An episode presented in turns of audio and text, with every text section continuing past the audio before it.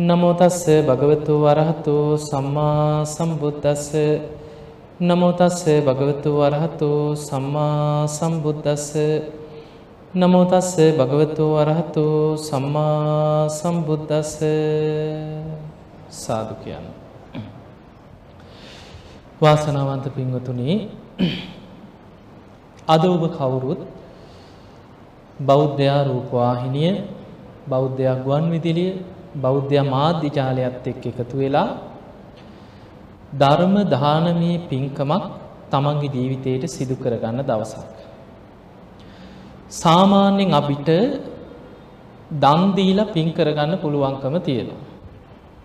හැබැයි මේ දෙන දානයන් අතර සබ්බ දානං ධම්ම දානං ජිනාති කියලා. සියලු දානයන්ට වඩා උතුම්ම දානයේ බවට පත් වෙන්නේ ධර්ම දානය. තව කෙනෙකුට දහම් පණවිඩයක් ධර්ම කාරණයක් ජීවිතය ගැන නොඇසූ ධර්මයක් අහන්න අවස්ථාව ලබලා දෙනවනම් ඒක තමයි අපේ ජීවිතය අපි කරගන්න අග්‍රතම දානමේ පින බවට පත්වේ. තිය නිසා අද දවසේ මේ පිංගතුන් ධර්ම දානමේ මහා පිනක් ජීවිතයට එකතු කරගන්න දවසා. විශේෂයෙන් බොහෝ වෙලාවට අපි අපි ධර්මය ශ්‍රවණය කරනවා බණ කියවනවා බණ අහනවා මේ හැම දේකම මූලික අරමුණු හොයාගෙන යනකොට අපිට පේනවා එක්ක මිය පරලොවගේ ඥාතියෙක් වෙනුවෙන් පින් අනුමෝදන් කරවන්න. මිය පරලොවගේ ඥාතීන්ට පින් දෙන්න. අපි වැඩිපුරම බණහලා තියෙන්නේ වැනි කරුණු මුල් කරගෙන. දැන් සාමාන්‍යයෙන් අපි කරන පින් දහම් තුළ අපටම හිතෙන්න පුළුවන් අනේ අපි මේ තරම් පින් කරනවා. අපි මිය පරලොවගේ ඥාතින් වෙනුවෙන් හත් දවසින් පින්කං කරනවා තුම්මාසින් පින්කං කරනවා අවුරුද්දෙන් කරනවා අවුරුදු ගණන් හිත හිතා සිහිකර කර පින් දෙනවා. හැබැයි මේ පින ගන්නවද. මේ පින ලැබෙනවද. මේ දෙන පිනකින් කොහොමද කෙනෙක් සුව පත්වේ. ඔය වගේ ප්‍රශ්න අපි කාටත් තියෙන. පිංහතුනේ බුදුරජාණන් වහන්සේගේ ධර්මී පෙන්නනවා කෙනෙක් මිය පරලව ගියාට පස්සෙ දැන් අපි ගමු දෙමව්පියෝ ඥාතීන් කවුරු හරි තමන් එක්ක එකට ජීවත් වෙලා කෙනෙක් මිය පරලෝ ගියාට පස්සේ අපිට ඔහුට අතින් අතට යමක් දෙන්න පුළුවන්කමක් නෑ. දැන් අපි වෙනද කෑම කන විදිහටම පිඟ වෙදලා මෙන්න කරලා අනෙන් දෙන්න පුළුවන්කමක් නෑ. ඊළඟට අපි ඇඳුමක් ගත්තා මෙන්න අපේ මිය පරලෝකයෙක් අම්මට තාත්තට ආච්චිට සීයට කියලා වෙනම අවුරුද්ධට ඇඳුමක් දෙනවා වගේ ගෙනල්ලා තමන්ට තෑග්ගක් හැටියට අතින් අතට යමක් දෙන්න පුළුවන්කමක් නෑ. අන්නේ නිසා බුදුරජාණන් වහන්සේ පෙන්නනවා අපිට පුළුවන්කම තියෙන්නේ පිනක් කරලා ඒ පින අනුමෝදන් කරනකොට පින්ගන්න පුළුවන් තැනක ඉන්නවනම් අර පින අනුමෝදන් වෙනවත් සමගම ඒ අවශ්‍ය දේ ලැබෙනවා. දැන් අපි ගම අපි වස්ත්‍ර දන්දීලා පින් දෙනකොට ඒ අයට වස්ත්‍ර පහළ වෙනවා. අපි ආහාර පාන දන්දීලා පින් දෙනකොට ආහාර පාන පහළ වෙනවා. පැන් දන් දෙන වතුර පූජා කරනවා. එතකොට මේ වගේ පැන් දන් දෙනකොට ඒ අයගේ පිපාසි සංසි දෙනවා. එතකොට මේ වගේ සමහර වෙලාවට අපි කුටියක් හදල පූජ කරන්න පුළුවන් මොනවහරි වහලයක් සෙවිලි කරන්න දෙයක් දෙන්න පුළුවන් මේ වගේ යම්කිසි අපි දෙන දේට අනුව තමයි ඒ කෙනාට ඒ පහළ වෙන දේවල් ලැබෙන. හැබැයි බුදුරජාණන් වහන්සේගේ ජානු සෝනි කියල බමුණෙක් ඇවිල් අහනවා ස්වාමීනේ අපි මිය පරලව ගියායට පින් දෙන්නකොට ඒ දෙන හැමෝම මේවා ලබනවද කිය. එතකොට බුදුරජාණන් වහන්සේ වදාළ සුදුසු තැනදි ලැබෙනවා නුසුදුසු තැන ලැබෙන් නෑ කියනවා. දැන් ඕක එක පාට අපිට තේරෙන්න්නෙත් නෑ. අර බමුණ අහනවා නේ ස්වාමීනී සුදුසු තැන මොකක්ද නුසුදුසු තැන මොකක්ද. මට තේරුම් ගන්න විස්තර ඇතුව කියලා දෙන්නේ කිය. එතකොට බුදුරජාණන් වහන්සේ වදාලා බ්‍රාහ්මණය මේ කෙනෙක් මිය පරලෝ ගිහිල් අපිකම ගොඩාක් අකුසල්ම කර කර හිටපු කෙනෙක් කියල. මරණයට පත්වෙලා නිරේ උපදින. එතකොට නිරේගිය කෙනෙකුට අපි මෙහෙ මොන විදිහේ දාන දීලා මොන විදිහ විශාල පින්කං කර කර පින් දුන්නත් ඒ පින් ගන්න පුළුවන්කමක් නැතයි කිය. එයා දන්නේ සමහරිට අපි මෙහෙ පාසකුල දෙනකොට එහෙ ලෝදිය පොඩු. දන්නේ නෑ. පින් ගන්න පුළුවන්කමක් නෑ.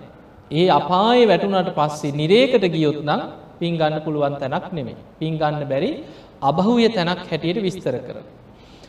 ඊළඟට ධර්මයේ පෙන්නනවනේ තිරිසං අපාය යන සත්වය ගැන.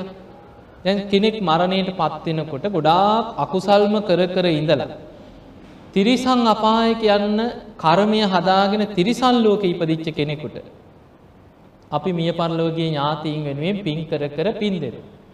දැන් තිරිසන් සත්තු දන්නවද සාදු සාදු කියලා අපේ ඥාතීන් අපිට පින් දෙනව නේද කියලා අනුමෝදන් වෙන්නේ? එහෙම දන්නේ නැහැ. එතකොට තිරිසන් සත්තුන්ට කෑම බීම ලැබෙන්නේ මේ කවුරුත් දෙන පින් නිසාද? තමන් හොයාගෙන ගිහිල්ලා මොනවා හරි හොයාගෙන ගිහින් කනවා මිසා.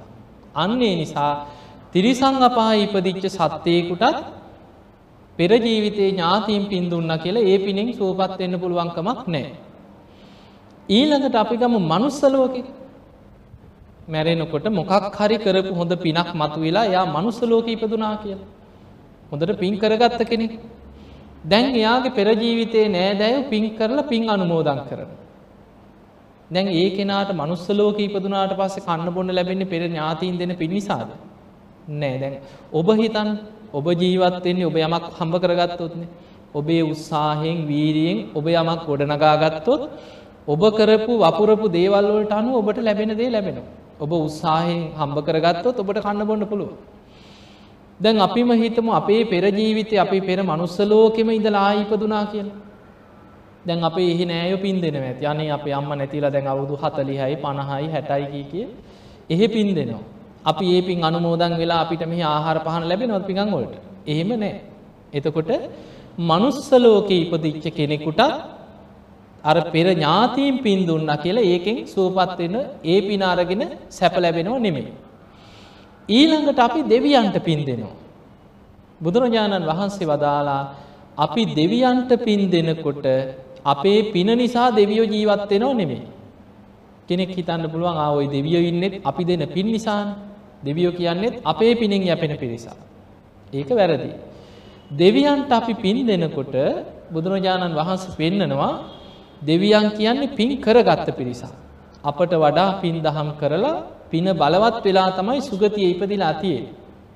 එතකොට එවැනි දෙවිවරු බලනවා මනුස්ස ලෝකෙ කෙනෙක් පින් කරනකොට අනේ අසවල් අසවල් අය මේ මේ විදිහට ධාර්මිෂ්ඨව ජීවත් වෙනවා පින් දහම් කරනවා අපිවත් සිහිපත් කරලා අපිටත් පින් දෙනවා නේද මේ අය සුවපත් වේවා කියලා මේ පින් අනුමෝදන් වෙන දේවතාවරු අපට ආශිර්වාද කරනවා කියලා. එතකොට අපි දෙවියන්ට පින් දෙනකොට පෙරලා ඒකේ ප්‍රතිඵලයේ ආශිර්වාද රැකවරණ ඔක්කොම තියෙන කාටද? පින් දෙන කෙනාට. අපිටමයි. එහෙම නැතුව අපේ පිනෙන් දෙවියන්ට දිව්‍ය භෝජන ලැබෙනව නෙමෙයි. දෙවියන් අපි පින් දෙනකොට සතුටු වෙලා අපිට ආශිර්වාද කරනවා. එතකොට අපි දෙන පිනකින් සුවපත් වෙන්න පුළුවන් මිය පරලොවගේ ඥාතියා පින් අපේක්ෂාවෙන් ඉන්න ප්‍රේතාත්මික ඉන්න කෙනෙකුට තමයි ඒ පින් අරගෙන සුවපත් වෙන්නේ. ඥාතීන් අතරත් ප්‍රේතයෝ අතරත් ධර්මයේ සඳහන් වෙනවා පින් ගන්නේ නෑ විශාල පිරිසක්. පිනට ද්වේෂ කරන. සමහර ප්‍රේත කොටස් ඉන්නවා නිජ්ජාම තන්හික කියලා ප්‍රේතයෙක් ගැන ධර්මයේ තියෙනවා. ඒ කණ්ඩායමේ උපදින ප්‍රේතයන් කුසගින්නේ පිපාසයෙන් මුළු ඇඟම දනවා කියන. හරියට රත්වෙච්ච ගල් තලාවකට උණ දළු ටිකක් කපලා දැම්මට පස්සේ ඇකිරිලා යනවා රස්නෙට. අන්නේ වගේ උඩු බැලි අතට කෑ ගහනවා විලාප දෙනවා කියන කුසගින්නේ. හැබැයි කොයි තරම් පින් කර කර පින් අනුමෝදන් කරත් පින් ගන්න බෑ කියන. ඒකට හේතුව පෙන්නනවා මනුස්ස ලෝකෙදි පිනට ගැරහීමේ විපාක කියන. දැන් නැද්ද මනුස්ස ලෝකෙ ඉන්න ඇද්දි. තමන් කරන පිනකුත් නෑ කෙනෙකුට පිනක් කරන්න දෙන්නෙත් නෑ. පින් කරන කෙනාටත් බනිනවා. මොකට තුඹල දන් දෙන පිස්සුද කියලා. එතකොට මේ වගේ දන් දෙන කෙනාට බනිනවා පින් කරන කෙනාට බනිනවා පිනට නිග්‍රහ කරනවා පින කඩාකප්පල් කරන්න කටයුතු කරනවා. මේ වගේ පිනට නිග්‍රහ කරපු කෙනා මරණින් මත්තේ ප්‍රේතලෝකෙකට වැටුනත් බුදුරජාණන් වහන්සේ වදාලා පින්ගන්න බැරි ප්‍රේත කොට්ටාසක තමයි කියෙන උපදී. අර කරපු අකුසලේ විපාකෙ හැටියට. ඊළඟට තියෙනවා කුණු පාස කියල ප්‍රේත කොටසක් ගැන විස්තර කරනවා මලකුණු තමයි කියෙන ආහාර කරගන්න. කොච්චර පින් දුන්නත් ඒ පිනෙන් ආහාර පාන ලැබෙන් නෑ කියල. ඒ අයගේ ආහාර තමයි මලකුණු. මිනි පුච්චනකොට උතුරලා යන උරුණු තෙල් ආග්‍රහණය කරනවා කියල. මිනි කුණු එනකොට ගලන ඕජාව ආග්‍රහණය කරනවා කිය. දරුව ලැබෙනකොට ගලන ගැබ්මල ආග්‍රහණය කරනවා කිය. අර අසූචි වර්ග කුණු වර්ගම තමයි ආග්‍රහණය කරන්න. එවැනි ප්‍රේතයන්ටත් කොච්චර පින් දුන්නත් පින් ගන්න බෑ කියන. එදකොට අපි දෙන්න පිනෙන් සුවපත් වෙන්නේ. ඒ වගේ තව තියෙනවා පාන්සු පිසාච ගූත කාදක කියලා ප්‍රේත කොටසක් ගැන තියෙන අසූචි ආග්‍රහණය කරන ප්‍රේතයෝ ගැන මේ වගේ ධර්මයේ නොයෙක් ප්‍රේත කණ්ඩායම් ගැන විස්තර වෙනවා. ඒ අතර ඉන්නවා පරදත්තූප කියලා ප්‍රේත කොටසක්. අන්නේ ප්‍රේතයන්ගේ ස්වභාවය හැම වෙලාවෙම බලාගෙන ඉන්නේ අනේ අපේ ඥාතීන් අපිට දැන් පිනක් දෙයි. අපේ දූ දරුවෝ ඥාතීන් මට දැන් පින් අනුමෝදන් කරයි දැන් මං වෙනුවෙන් පිනක් කරයි කියලා හැම වෙලාවෙම පින් ගන්න බලාගෙන ඉන්න ප්‍රේත කොටසක් කිරි. අන්නේ අයට තමයි කියන්නේ පරදත්ත වූ ප්‍රේතයෝ කියලා. අන්නේ වැනි ප්‍රේතයෙකුට විතරයි කියනවා කෙනෙක් පින් දෙනකොට ඒ පින් අනුමෝදන් වෙනකොටම සුවපත් වෙන්නේ. ඒකත් මේ වගේ. දැන් අපිට පින්දීලා දැන් අපි හිතනවන අනේ අපේකෝ මැරිච් අම්ම හරි තාත්ත හරි ආච්චි හරි සීය හරි මේ පින් අරගෙන සුගතිී යනවනං හොඳයි. දිවිය ලෝකෙකවත් යනවනම් අපි ආසයිනය යවන්න. හැබැයි අපිට ඕන විදිහට සුගතිී යවන්න බෑ. ඒ ඉන්න ආත්මි තුළ යම් කිසි සැපයක් ලබල දෙන්න පුළුවන් තාව කාලික වෙච්චරයි. අපි ගමු අපි කරන පිනේ විපාකයට අනුවර ප්‍රේතාත්මය ලැබිලා ඉන්න කෙනාට අවුරුදු කීපයකට සෑහෙන ආහාර පාන පහළ වෙනවා අර පින අනුමෝදන් වෙනකොට. හැබැයි පින කියන්නේ ගෙවිලා අවසන් වෙනවා. ඒ පිනේ ශක්තිය අවසන් වෙනකොට ආයමත් අර ප්‍රේතයට සාපිපාසාව දැනෙන්න ගන්න. ආයේ ආයේ අපි නිතර නිතර පින් කර කර පින් දුන්නොත් තමයි ඒ කෙනාට අර ප්‍රේතාත්මය තුල ඉන්නකන්වත් සාපිපාසාවක් නැතුව දුකක් පීඩාවක් නැතුව ඉන්න පුළුවන්කම තියෙන්නේ. ඒ නිසා පින්වතුනි මැරුණට පස්සේ නම් අපි අපේ යුතුයකමක් තමයි අපි පින් කරලා පින් අනුමෝදන් කිරීම. ඒ නිසා අපි දෙන දෙයින් අපිට මහා ලොකු දෙයක් ඒ කෙනා වෙනුවෙන් කරන්න අමාරුයි. හැබැයි බුදුරජාණන් වහන්සේ පෙන්නනවා සිංහාලවාද සූත්‍ර පෙන්නනවා දරුවන්ගේ යුතුයකමක් ඥාතීන්ගේ යුතුයකමක් තමයි තමන්ගේ දෙමව්පියෙක් හරි කවුරු හරි මිය පරලොව ගියාට පස්සේ ඒ කෙනා වෙනුවෙන් අනිවාර්යෙන් පින් දහම් කරලා පිනක් අනුමෝදන් කළ යුතුයි. ඒක යුතුයකම. ගන්නවද නැද්ද ලැබෙනවද නැද්ද ඒක වෙනම දෙයක්. හැබැයි ඒ කෙනා ලබා ගත්තේ නැතත් අපේ පින් ගන්න බලාගෙන ඉන්න ඥාති પરම්පරාව ගත්තත් මෙච්චරයි කියලා කියන්න පුළුවන්කමක් නැහැ. බලන්න ධර්මයේ තියෙනවා බිම්බිසා රජ්ජුරුවන්ගේ කල්ප 91කට පෙර නෑදෑය. කල්ප 91ක් කියන්නේ පොඩි කාලයක්. කල්ප 91කට පෙර විපස්සි බුදුහාමුදුරුව පහළ වෙච්ච කාලේ කරපු අකුසලයක්. ඒ කාලේ විශාල දානමය පින්කමක් විපස්සි බුදුහාමුදුරුවන්ගේ බුද්ධ ප්‍රමුඛ සංඝයාට දීපු දානයක් කඩාකප්පල් කරලා විශාල පිරිසක් අකුසල් කරගෙන නිරේට වැටුණා. කල්ප 90ක්ම නිරේ ඉපදුනා කියලා. එතකොට නිරේ දුක් විඳලා දුක් විඳලා දුක් විඳලා මේ මහා භද්‍ර කල්පයේ ආරම්භයේදී තමයි අපායෙන් මිදුණේ. අපායෙන් මිදිලා ප්‍රේතය වෙලා ඉපදුනා. දැන් මේ ප්‍රේත කොට්ටාසේ කකුසඳ බුදුරජාණන් වහන්සේ පහළ වුණාට පස්සේ කකුසඳ බුදුහාමුදුරුවෝ ඉදිරියේ පෙනී ඉඳලා පින් ඉල්ලුවා. රජ කෙනෙක් කකුසඳ බුදුරජාණන් වහන්සේට දානෙ දීලා තමන්ගේ ඥාතීන්ට පින් දීලා ඒ ඥාතීන් සුවපත් වෙන දිහා බලාගෙන හිටිය මේ ප්‍රේතයෝ ටික. මේ ප්‍රේතයොත් ඇවිල්ලා බුදුරජාණන් වහන්සේට කියනවා අනේ ස්වාමීනි අපි දැන් කල්ප ගාණක් නිරේ දුක් විඳලා තමයි කිව්වා මේ ප්‍රේත ආත්මයට ආවේ. ඒ නිසා අපිට මිදෙන්න පිනක් අනුමෝදන් කරවන්නේ. කකුසඳ බුදුරජාණන් වහන්සේ බැලුවා අකුසල් බලවත් වැඩි. කියනවා ප්‍රේතයිනේ නුබලාට මගේ බුද්ධ ශාසනය නම් පින් ගන්න බැරියකි. අනාගතයේ පහළ වෙනවා කිව කෝනාගමන කියලා බුදු කෙනෙක්. උන්වහන්සේගේ කාලෙවත් උත්සාහ කරලා බලන්නේ. එතකොට මේ ප්‍රේත කොටස කකුසඳ බුදුරජාණන් වහන්සේත් පිරිනිවන් පාල. ඒ බුද්ධ ශාසනයත් අවසන් වෙලා. බුද්ධ ශූන්‍ය කාලයත් අවසන් වෙලා ඊළඟ බුදු හාමුදුරුව පහළ වෙනකම් බලාගෙන හිටිය.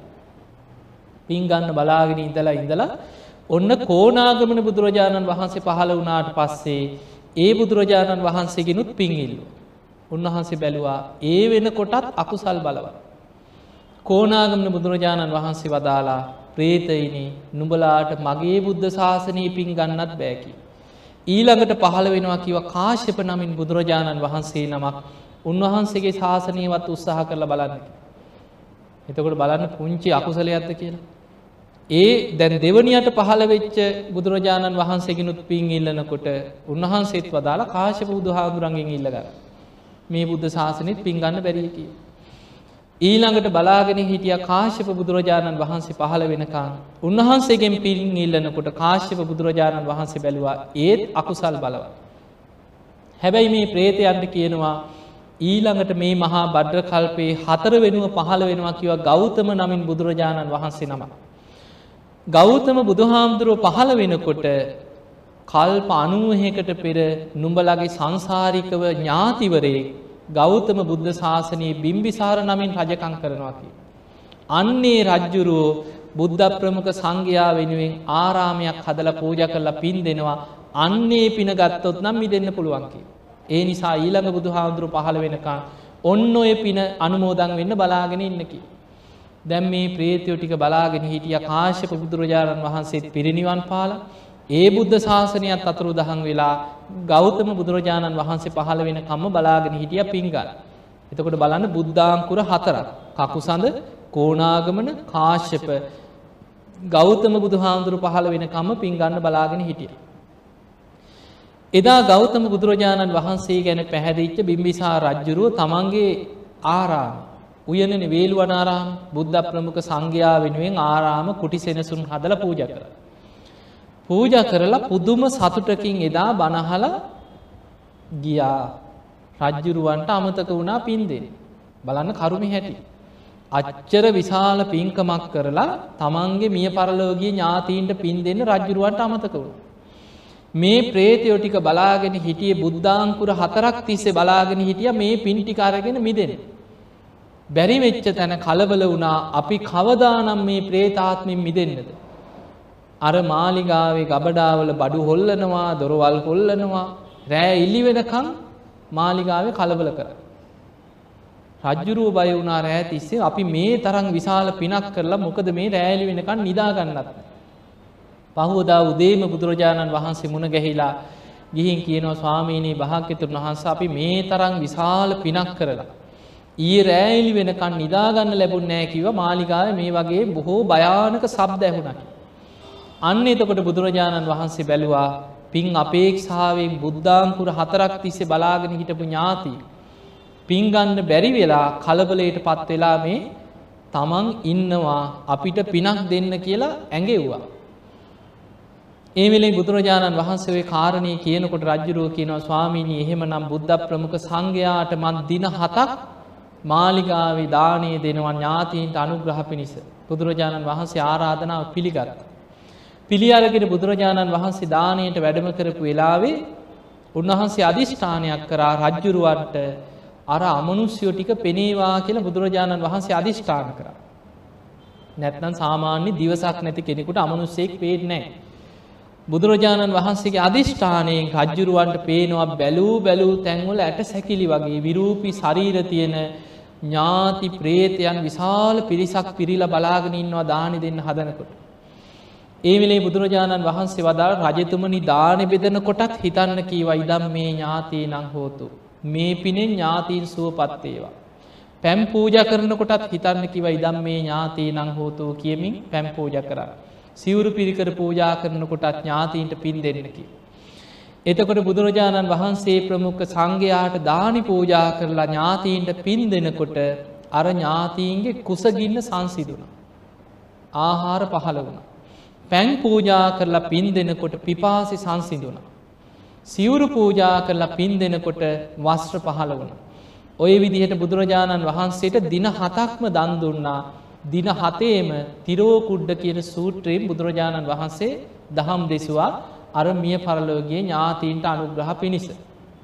ඔන්න ඔයි දේශනාව තමයි තියෙන්නේ ඔය අපි අහල තියන පැන් වඩනකොට කියන්නේ යථවාරි වහා පූරා පරිපූරෙන්ති සාකරං ඒව මේ වයිතෝදින්නම් පේතානං උපතප්පති කියල ගාථාව අන්නේ ගාථාව තියෙන තිරෝකුඩ්ඩ සූට්‍රය. ඒ දේශනාව තියෙන්නේ ගාථාව තියෙන්නේ හරියට ඉහළ ඉඳං ගලාගෙන යන ජල පහරක් පහල තියෙන හිස්තැන් පිරී ඉතිරීගෙන මහා සාගරයට වතුර ගලාගෙන යන. අන්නේ වගේ පින්දහම් රැස් කරගත්ත කෙනෙක් තමන්ගේ ජීවිතයේ පින් රැස් කරගෙන මිය පරලෝගේ ඥාතීන්ට පින් දෙනකොට ඒ අයගේ ජීවිතත් පිනෙක් පිරිලා ඉතිරිලා ඒ අයි සුවපත් වෙනවා කියලා. එතකොට පින්වතුනි අපිට මේවැන් පේනවා කෙනෙක් මිය පරලව ගියාට පස්සේ යමක් රැස් කරගන්නවා කියලා හිතාගෙන ජීවත්වෙන එක බොහොම භයානක දෙයක්. මොකද සමහරු ඉන්න එහෙම අදහස් වල ඉන්නවා. අපිට හම්බෙනවා දැන් මම ඇඹිලි පිටිය මේ ළඟදි ධර්ම දේශනාවකදී වයසක අම්ම කෙනෙක්. අනේ හාමුදුරුවන්ව බලන්න ආසයි කියලා ඉතින් දරුවෝ එක්කරගෙන ඇවිල්ලා බණ ඉවර වෙච්ච ගමන් එක්කන් ආවා. අවුරුදු 85ක් විතර ඇති. ඉතින් මගේ යන බණ ධර්ම දේශනා නිතර අහනවා කියලා. ඉතින් මම ගොඩක් වෙලා කතා කරලා මං ඇහුවා අනේ හාමුදුරනේ පොඩි කාලේ ඉඳන් සීල් ගන්නවයි කියලා. මේ ඉහේ කෙස් ගන්න සාංගික දාන දීලා තියෙනවා කියලා. කටින පින්කම් 10ක් කරා කියලා. ඉතින් මං ඔය ඔක්කොම අහගෙන ඉඳලා මං කිව්වා ඉතින් අම්මා දැන් ගොඩාක් පින් කරලා තියෙනවනේ බය වෙන්න දෙයක් නැහැ නේ අම්මට කියලා. ඒ වුණාට හාමුදුරනේ කියන්න බෑ කිව්වා. විශ්වාස නැතේ කිව්වා. ඒ නිසා මම නම් කියලා තියෙන්නේ මගේ ළමයින්ට මම මැරුණට පස්සේ උඹලා හොඳට මට දානයක් දීලා පින් දීපල්ලා කියලා කිව්වා. ඔන්න බලන්න අච්චර පින්කම් කරපු අම්මා හිතාගෙන ඉන්නේ මැරුණට පස්සේ ළමයින්ගේ පින් අනුමෝදන් හරිද වැරදිද? Tamanට තියෙන්න එපා මම පින් කරගත්ත කෙනෙක්. මම මෙච්චර කටින පින්කම් කරා. මම මේ තරම් දානි දුන්නා. මම ඒකාන්තයෙන්ම සුගතියමයි කියලා Tamanට Taman කරපු පින ගැන විශ්වාසයක් තියෙන්න එපා. එතකොට බලන්න කොච්චර පින් කරලා තිබුණත් Tamanට Tamanගේ පින ගැන විශ්වාසයක් නැහැ. ඒ නිසා පින්තුනේ පින් කරන්න පෙරම අවශ්‍ය දේ තමයි කර්ම කර්මඵල විශ්වාසය තියෙන්න ඕන.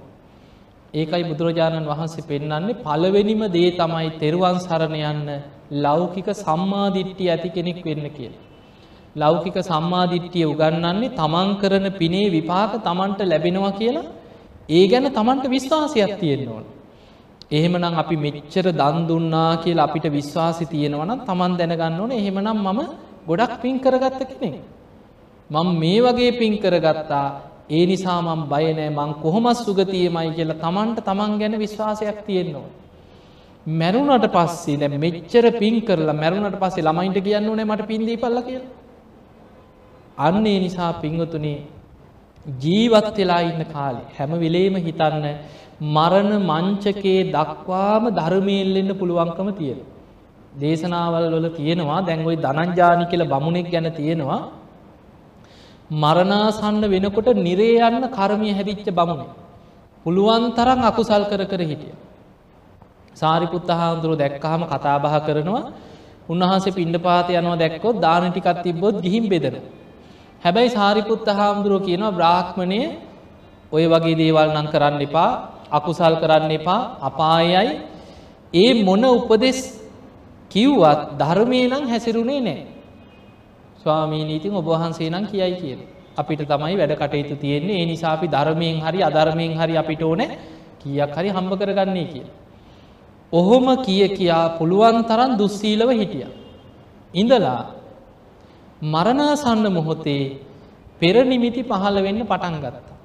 බොහෝ දෙනෙකුට මරණාසන්න කාලය එනකොට නිමිති පහළ වෙන. මේක බොහොම භයානක දෙයක්.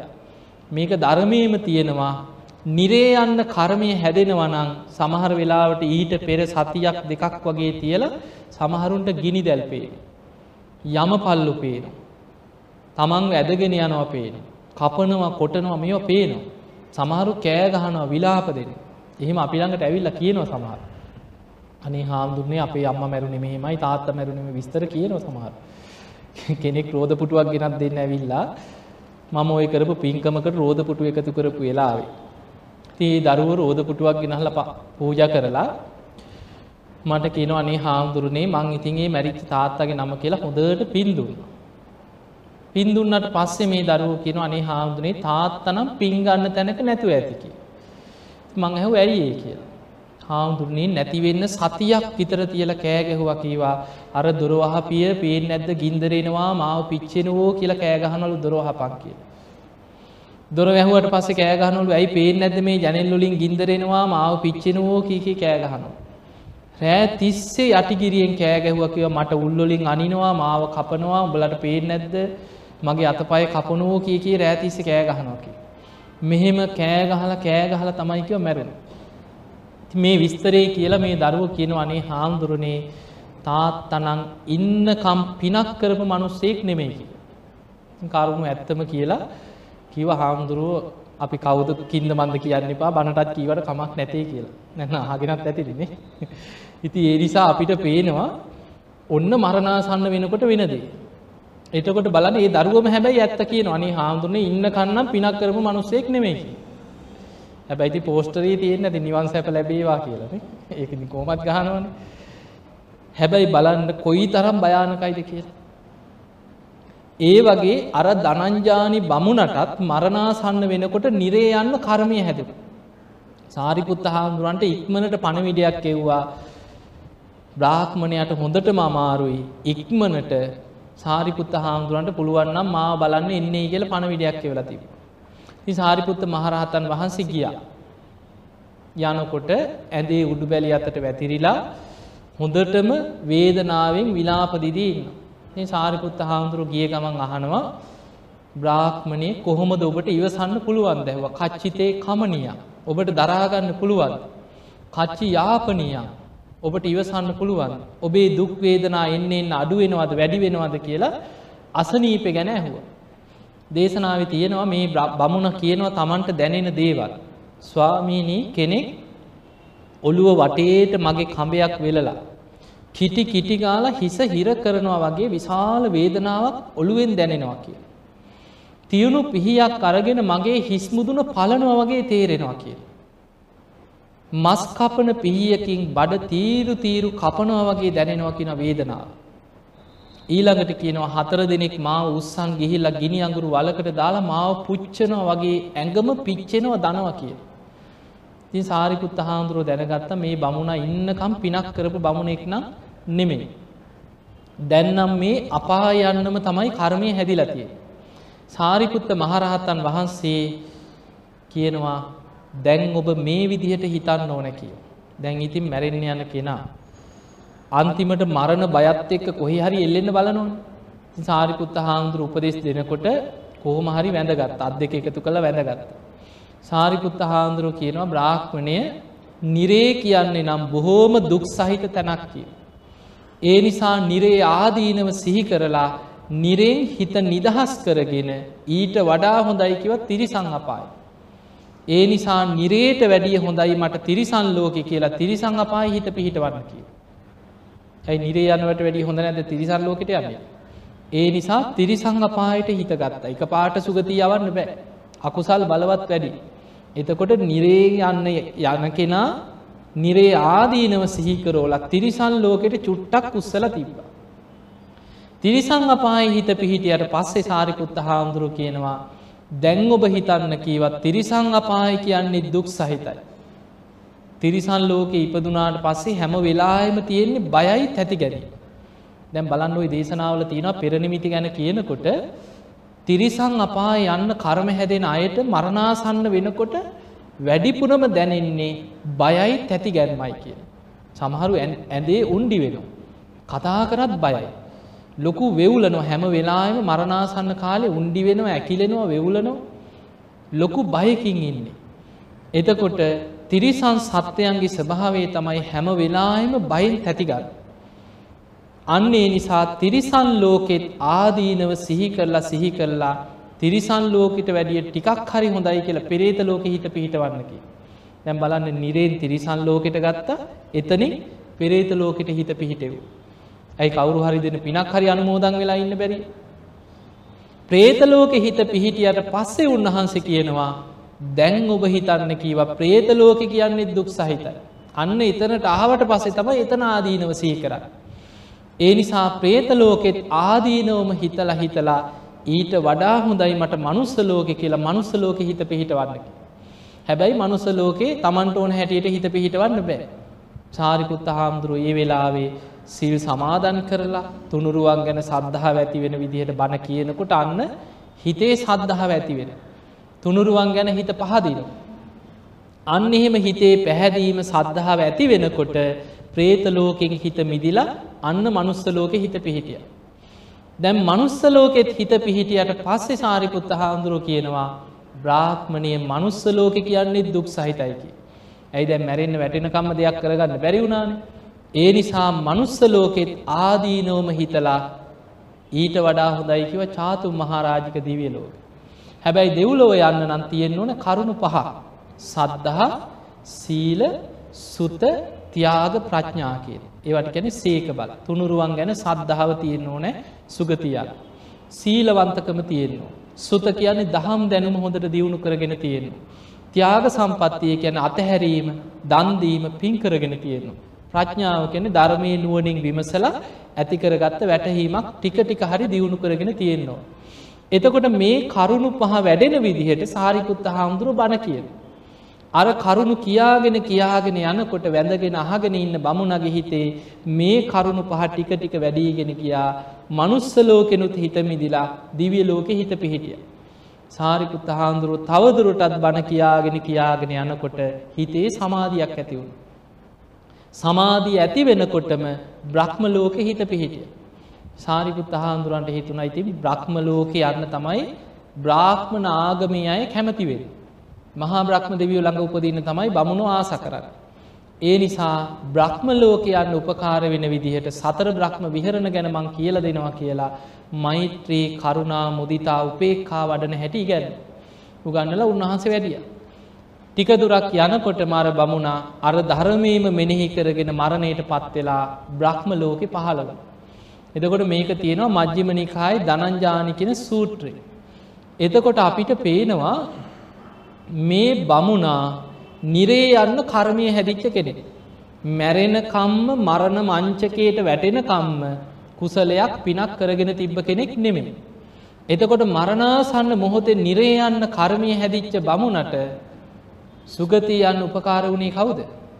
සාරිපුත්ත හාමුදුරුව ළඟට ඇවිල්ලා ටික ටික ටික ටික හිත පිහිටෝල හිත ධර්මයේ පිහිටෝල අර නිරෙන් තිරිසන් ලෝකෙට ගත්තා එතනින් ප්‍රේතලෝකෙට ගත්තා එතනින් මනුස්සලෝකෙට ගෙන දිවියලෝකවලට අරගෙන ගිය මේ විදිහට ඉහලට ඉහලට හිත දියුණු කරවලා බ්‍රහ්ම ලෝකෙට යනකං හිත පිහිටෙව්. අන්න කල්්‍යාන මිත්‍රයෙක් මරණ මංචකේ ඉදීමේ වටිනාක. ඒ නිසා පින්වතුනී කෙනෙක් මරණාසන්න වෙනකොට ධර්මය දන්න කෙනෙක් ළඟ හිටියොත් ලොකු දෙයක් කරගන්න පුළුව. ඒ නිසා ධර්මය නොදන්න කෙනෙක් වටවුණොත් මොකද වේ. අඩුගානි මොකක් හරි පිනක් ඇතුව සුගතියක හරි යන්න පිනත් තියෙන කෙනා ධර්මය නොදන්න අය වට වුණාට පස්සේ යන්න කොහෙටද. අපායටමයි. යවනවා කෙලිම අපායට. දැන් හිතන්න කෙනෙක් මරණාසන්න කෙනෙක්.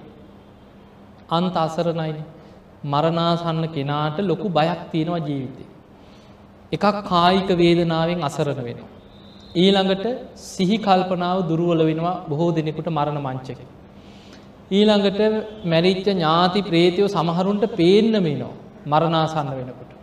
එහෙම සමහරුන්ට පෙනීඉදල පේන්නම ඉඳල කතා කරන අඩ ගහන මෙහිට වරින් අපි ඉන්න තැන්නට වරින් කියලා අර මැරිච්ච නෑදෑව කතා කර. ඊළඟට කරපු අකුසල් බලවත්වෙන. ජීවත් වෙලා ඉන්නකොට මම මේ වගේ වැරදි වැඩ කරා මේ වගේ පවකං කරා මේ වගේ නොපනත්කං කරා ඕවා එක එක එක එක මරණ මංචකේ සිහිවෙන.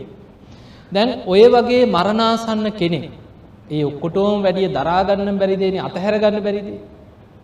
දරුවු ගෙවල් දොරවා නෑදෑ ඥාතී මේවා අතහැරගන්න බැරුව පිය විප්පයෝගෝ දුක්කෝ කියන මේ දුක දරාගන්නම බැරි දෙයක්. එතකොට හිතන්න මරණාසන්න කෙනා එච්චර අසරණ වෙනකොට ඒ කෙනා වටේට ඉඳගෙන දරුවෝ ටිකත් පූතියන්න ගත්තු. දාලයන්න ඉපෝ කිය අපි කෑගහන්න ගත්තොත් මොකද වේ. සුගතියන්න පුළුවන්. හා උබල කිය නිසා මං ඉන්නම් කියලා නතර වෙන්න පුළුවන්. අන්ත අසරණයි.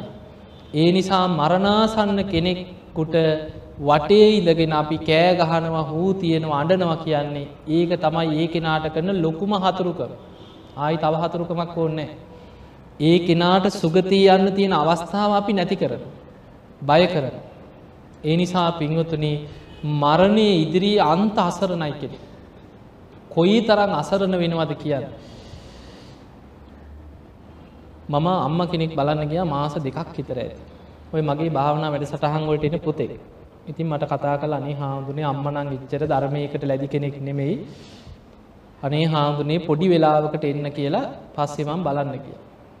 ඒ අම්මා මම ඉතින් ගිහින් කතා කරපු එලේ ඉදා කොච්චර කිවත් හිත හදන්න බෑ. අනේ හාමුදුරුණේ මට මැරෙන්න්න බෑ කිය. අනේ හාමුදුරුණේ මාව බේරගන්නේ කිය. අනි හාමුදුරනේ මම මැරෙයිද කියලා අහනවා. ඉතින් පුළුවන්ද මැරෙන්න යන කෙනා මට බේරන්න? පුළුවන්කමක් නැහැ. ඉතින් මම බන කිව්වා කිව්වා අන්තිමට විනාඩි 15ක් 20ක් හොඳට අහගෙන ඉන්නවා. මං කිව්වා දැන් මමත් මැරෙනවා. මේ අම්මත් මැරෙන්න පුළුවන්. මේ ලෙඩ්ඩුත් මැරෙනවා. වෛද්‍යවරුත් මැරෙනවා. දරුවොත් මැරෙනවා. රජවරුත් හිටියා. සිටුවරුත් හිටියා. අද පොළොව හාරලවත් හොයන්න තියෙනවද හිටපු රජවරු සිටුවරු? හැමෝම මැරෙනවා. මේ කවුරුත් හැමදාම ඉන්න ආපු මිනිස්සු නෙමෙයි. ඒ ටික හොඳට අහගෙන ඉඳලා ඒ වුණාට හාමුදුරනේ මට නම් මැරෙන්න බෑ කිව්වා. ඔන්න බලන්න ස්වභාවය. බලන්න කොච්චර අසරණයිද කියලා කිව්වා කිව්වා කොච්චර ධර්මී කිව්වත් හිතට යන්නේ. ඇයි ජීවත් වෙලා ඉන්නකොට මරණය ගැන අනිත්‍ය ගැන හිතල තිබ්බ කෙනාට විතරයි මරණ මංචකේ පවා කියන බණටික හිතට යයි. ජීවත් වෙලා ඉන්නකොට මැරෙනවා කියලා හිතුවේ නැත්නම්.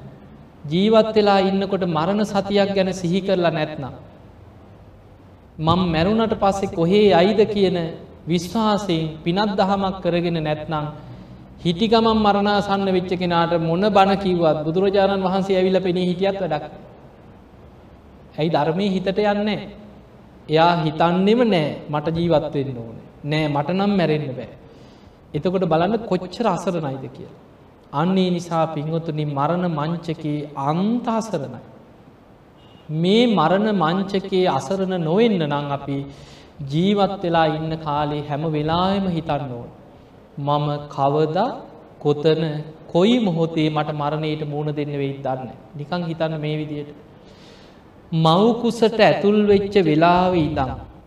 හැම මොහොතකම ගෙවෙන හැම මොහොතක් තප්පරේකම කොච්චර මවකුසේ දරුව මැරෙනවද.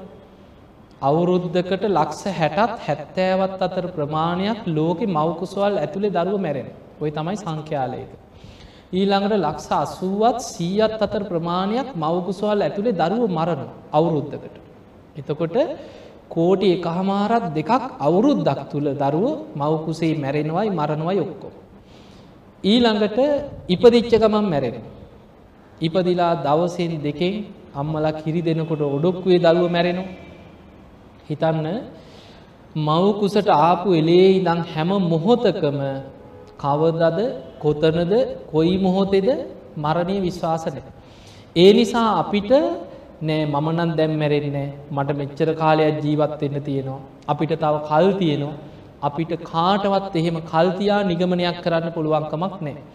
ඒ නිසා හොඳට මතක තියාගරන අපේ පවුලේ දහ දෙනයි කියන්නේ කවදා හෝ මළගෙවල් දහය. අපිට යාළු මිත්‍රයෝ නෑදෑයෝ සීයක් ඉන්නවා කියන්නේ කවදා හෝ මළගෙවල් සීය. ඒක තමයි ජීවිතය ඇත්ත. කොච්චර ආදරෙන් පණට පණවගේ ජීවත් වනත් කවුරු හරි ඉස්සර වෙනවද නැද දෙන්නගෙන් කවුරු හරි ඉස්සරවෙන. දෙමවපියෝ ඉදිරියේ දරුව මැරෙනවා දරුව ඉදිරියේ දෙමවපියෝ මැරෙනවා ස්වාමිය ඉදිරියේ බිරිඳ මැරෙනවා බිරිඳ ඉදිරී ස්වාමිය මැරෙන. බුදුරජාණන් වහන්සේ උපමාවකට පෙන්න්නනවා මරණය කියන්නේ හරියට ගවයෝ මරණ ගවගහතකේ හරක් රංචුවක් කොටු කරගෙන ඇවිල්ලා තියාගෙන එක ඒක දවසට සමහර වෙලාවට වයිසක එක්කෝ හරකෙක් ගෙනියනවා පැටියෙක් ගෙනියනවා තමන්ට අවශ්‍ය අවශ්‍ය ගවය අරගෙන මරන්න ගන්නවා දවස ගානයර රංචුවේ. අන්න ඒ වගේ බුදුරජාණන් වහන්සේ වදාළ ගවයම් මරන්නා එක ඒක ගවයාව මරණයට අරගෙන යනවා වගේ. නෑදෑයු ඥාතිීන් යාළු මිත්‍රයෝ හඬා වැලපෙද්දී එක එක් කෙනා මාරය අරගෙන යනවකින තමන්ට ඕන ඕන වෙලා. ඒ නිසා අපි කොච්චර ඇඩුවත් වැලපුනත් දුක්කුණත් කෙනෙක් මිය පරලෝගයාට පස්සේ අපිට තියෙන්නේ ඒකෙනා ගැන සුපිනේන යථාපි සංගතන්කින්. හරියට සිහිනයකින් එකතු වනා වගේ කිය. පටිබුද්ධෝ පුරිසෝන පස්සති. සිහිනයකින් අපි හීනෙන් දකිනව කට්ටියෙක් එකට ඉන්නවා විනෝද වෙනවා විහිළු තහලු කරනවා කනවා බොනවා. හීනෙන් නැකිට්ටට පස්සේ අවදි වුණාට පස්සේ ඒක මතකයක් විතරයි. ඒවම් පියාහිතන් ජනන් පේතන් කාලකතන්න පස්සතිීක. අන්නේ වගේ තමයිකෙන අපි ප්‍රිය කරපු අය. අපි එක් එකට ඉඳලා අපිත් එක්ක මේ වගේ හිටිය මේ වගේ වීලුතහල් කරා මේ වගේ ජීවත් වනා මේ වගේ විනෝද වුණා ඒව ගැන අපි සිහි කර කර මතකයක් හැටියට විතරක් සිහි කරනවා මිසක් මිය පරලවගිය අය ආය එන්නේ නෑ. ඒ නිසා පින්වතුනි මරණය කියලා කියන්නේ හරි පුදුම දෙයක් ජීවිතේ. අපි කාටත් කවද හෝ කොයි මොහොතක හෝ මරණයට මූුණ දෙන්න සිද්ධ වෙනවාමයි. ඊළඟ දේ තමයි සංසාර ගමන ගැන හිතනකොට දේශනාවලම බලන්න ති අර සාරිපුත්ත හාමුදුරුවන්ගේ ආත්ම පහකට කලින් අම්ම කෙනෙ ප්‍රේතියක් වෙලා පින් ඉල්ලපු සිදුවීමක්තිය. මහාකාශ පහාමුදුරුවන්ගේ ආත්ම තුනකට කලින් අම්ම උන්වහන්සේ පින්ඩ පාතයනකොට නගර හිගා කනව හිගන්නේ. මහාකාශ පහාමුදුරුවන්ට ලුණු නැති කැඳේ එකක් පූජ කරා හිඟම නියන ගමන් හම්බෙච්. උන්වහන්සේ කැඳ ටික පූජ කරලා වදිනකොට කියනවා මෑනියනි ඔබ ආත්ම තුනකට පෙර මගේ අම්මකී. තකට උන්වහන්සේ රහත් වෙලා අම්ම හිගා කනව පාරේ ආත්ම තුනකට කලින් අම්ම. මේ සංසාර ගමන දිහා බලනකොට අපේම දෙමවපියෝ ඥාතින් වෙච්චයි දැන් ඇති නිරි සත්තු වෙලා. මහපාර යනකොට තිරිසං සත්තු අතර ඕන තරන් ඇති අපේ නෑදෑව ඥාතිය හම්බෙනව ඇති. පෙරේත ලෝකෙ අනන්තවත් ඇති. ඒ නිසා පින්වතුනේ මේ සංසාර ගමන තුළ බුදුරජාණන් වහන්සේ පෙන්නන්නේ පිරිසක් එකට ජීවත් වනත් ගබ්බ මේකේ උපද්ජන්ත පින්කරගෙන තිබ්බ කෙනා මරණින් මත්තේ මව් කුසකට ඇදිලා. සක්ගන් සුගතිනෝ යන්ති. තවත් සද්ධාදී ගුණධර්ම වඩාගත්ත කෙනා සුගතිය උපදින. ඊළඟට අකුසල් කරගත්ත කෙනා නිරේ උපත කරා යන. පරිනිබ්බන්ති අනාසවා ධර්මය දියුණු කරගෙන ධර්මය අවබෝධ කරගත්ත කෙනෙක් හිටියොත් අන්නේ කෙනා ගැලවිලා යන. අන්නේ නිසා අපි මේ යන්නේ අපිට ඕන විදිහකට යන ගමනක් නෙමේ. අන්නේ නිසා හොඳට මේ සංසාර ගමන අනතුර හිතන්න. අනතුර හිතුවොත්මයි ධර්මය අවබෝධ කරගන්න වීරයක් ඇතිවේ. එහෙම නැත්නම් අපිට මේක දැනෙන්නෙම නෑ. පස්සේ බැරිය දැම් බෑ කම්මැලි පස්සේ ඕ ධර්මය දියුණු කරනුව පස්සෙ කරගන්න දේවල් ඒ වගේ අපිට ප්‍රමාදයටමයි හිත හැදේ. අපිට අප්‍රමාදී බව ඇතිවෙන්නෙම මේ සංසාර ගමනි භයානකකම අනතුර මං දැම්මැරිල කොහේ අයිද කියන එක නිතර තමන් තමන්ගෙන් අහන්නෝ. අන්න එතකොට තමන්ට බයක් ඇති වෙනවා මම තාම අපායෙන් මිදිච්ච කෙනෙක් නෙමේ. බැරි වෙලා හරි පෙර අකුසලයක් හරි මතු වෙලා මම අපායට ඇතිල ගියොත් කවුද මාව බේරගන්න. අන්නේ ගැන නිතර හිතන කෙනා තමයි අප්‍රමාදී කෙනෙක් බවට පත්වේ. එහෙම නම් පිංහතුනි හැම දෙනාම දැඩි අධිෂ්ඨානයක් ඇති කරගන්න අපි කාගේ ජීවිත දවසින් දවස මොහොතින් මොහොත ෂනයෙන් ෂණය මරණයට ලංවෙන. කවදා කොතන කොයි මොහොතේ හුස්මටික අයිද කියලා අපි කාටවත් කියන්න පුළුවන්කමක් නෑ. ඒමනම් මමත් මරණය ඉදිරී අප්‍රමාදීව සද්ධහා සීල සුත තියාග ප්‍රඥාදී ගුණධර්ම දියුණු කරගෙන මමත් ධර්මීම අවබෝධ කරගන්න කෙනෙක් බවට පත්වෙනවා කියන අධිෂ්ඨානය ඇති කරගම්. ඒමනං අද මේ ධර්ම කරුන්ටික ශ්‍රවණය කිරීමෙන් අපි රැස් කරගත්ත සියලූ පුුණ්‍ය ධර්මයන් පින් කැමති සියලු දෙවියන්ට අනුමෝදන් කරමු දෙවියෝ මේ පින් දැක බලා අනුමෝදන් වෙත්වා දෙවියන්ගේ දිවි අස ඉසුරු වර්ධනය කරගෙන සියලු දෙවියෝ වහවහා සසර දුකින් අතමි දේවා කියල සාදු කියල දෙවියන් පින්ඩෙන්.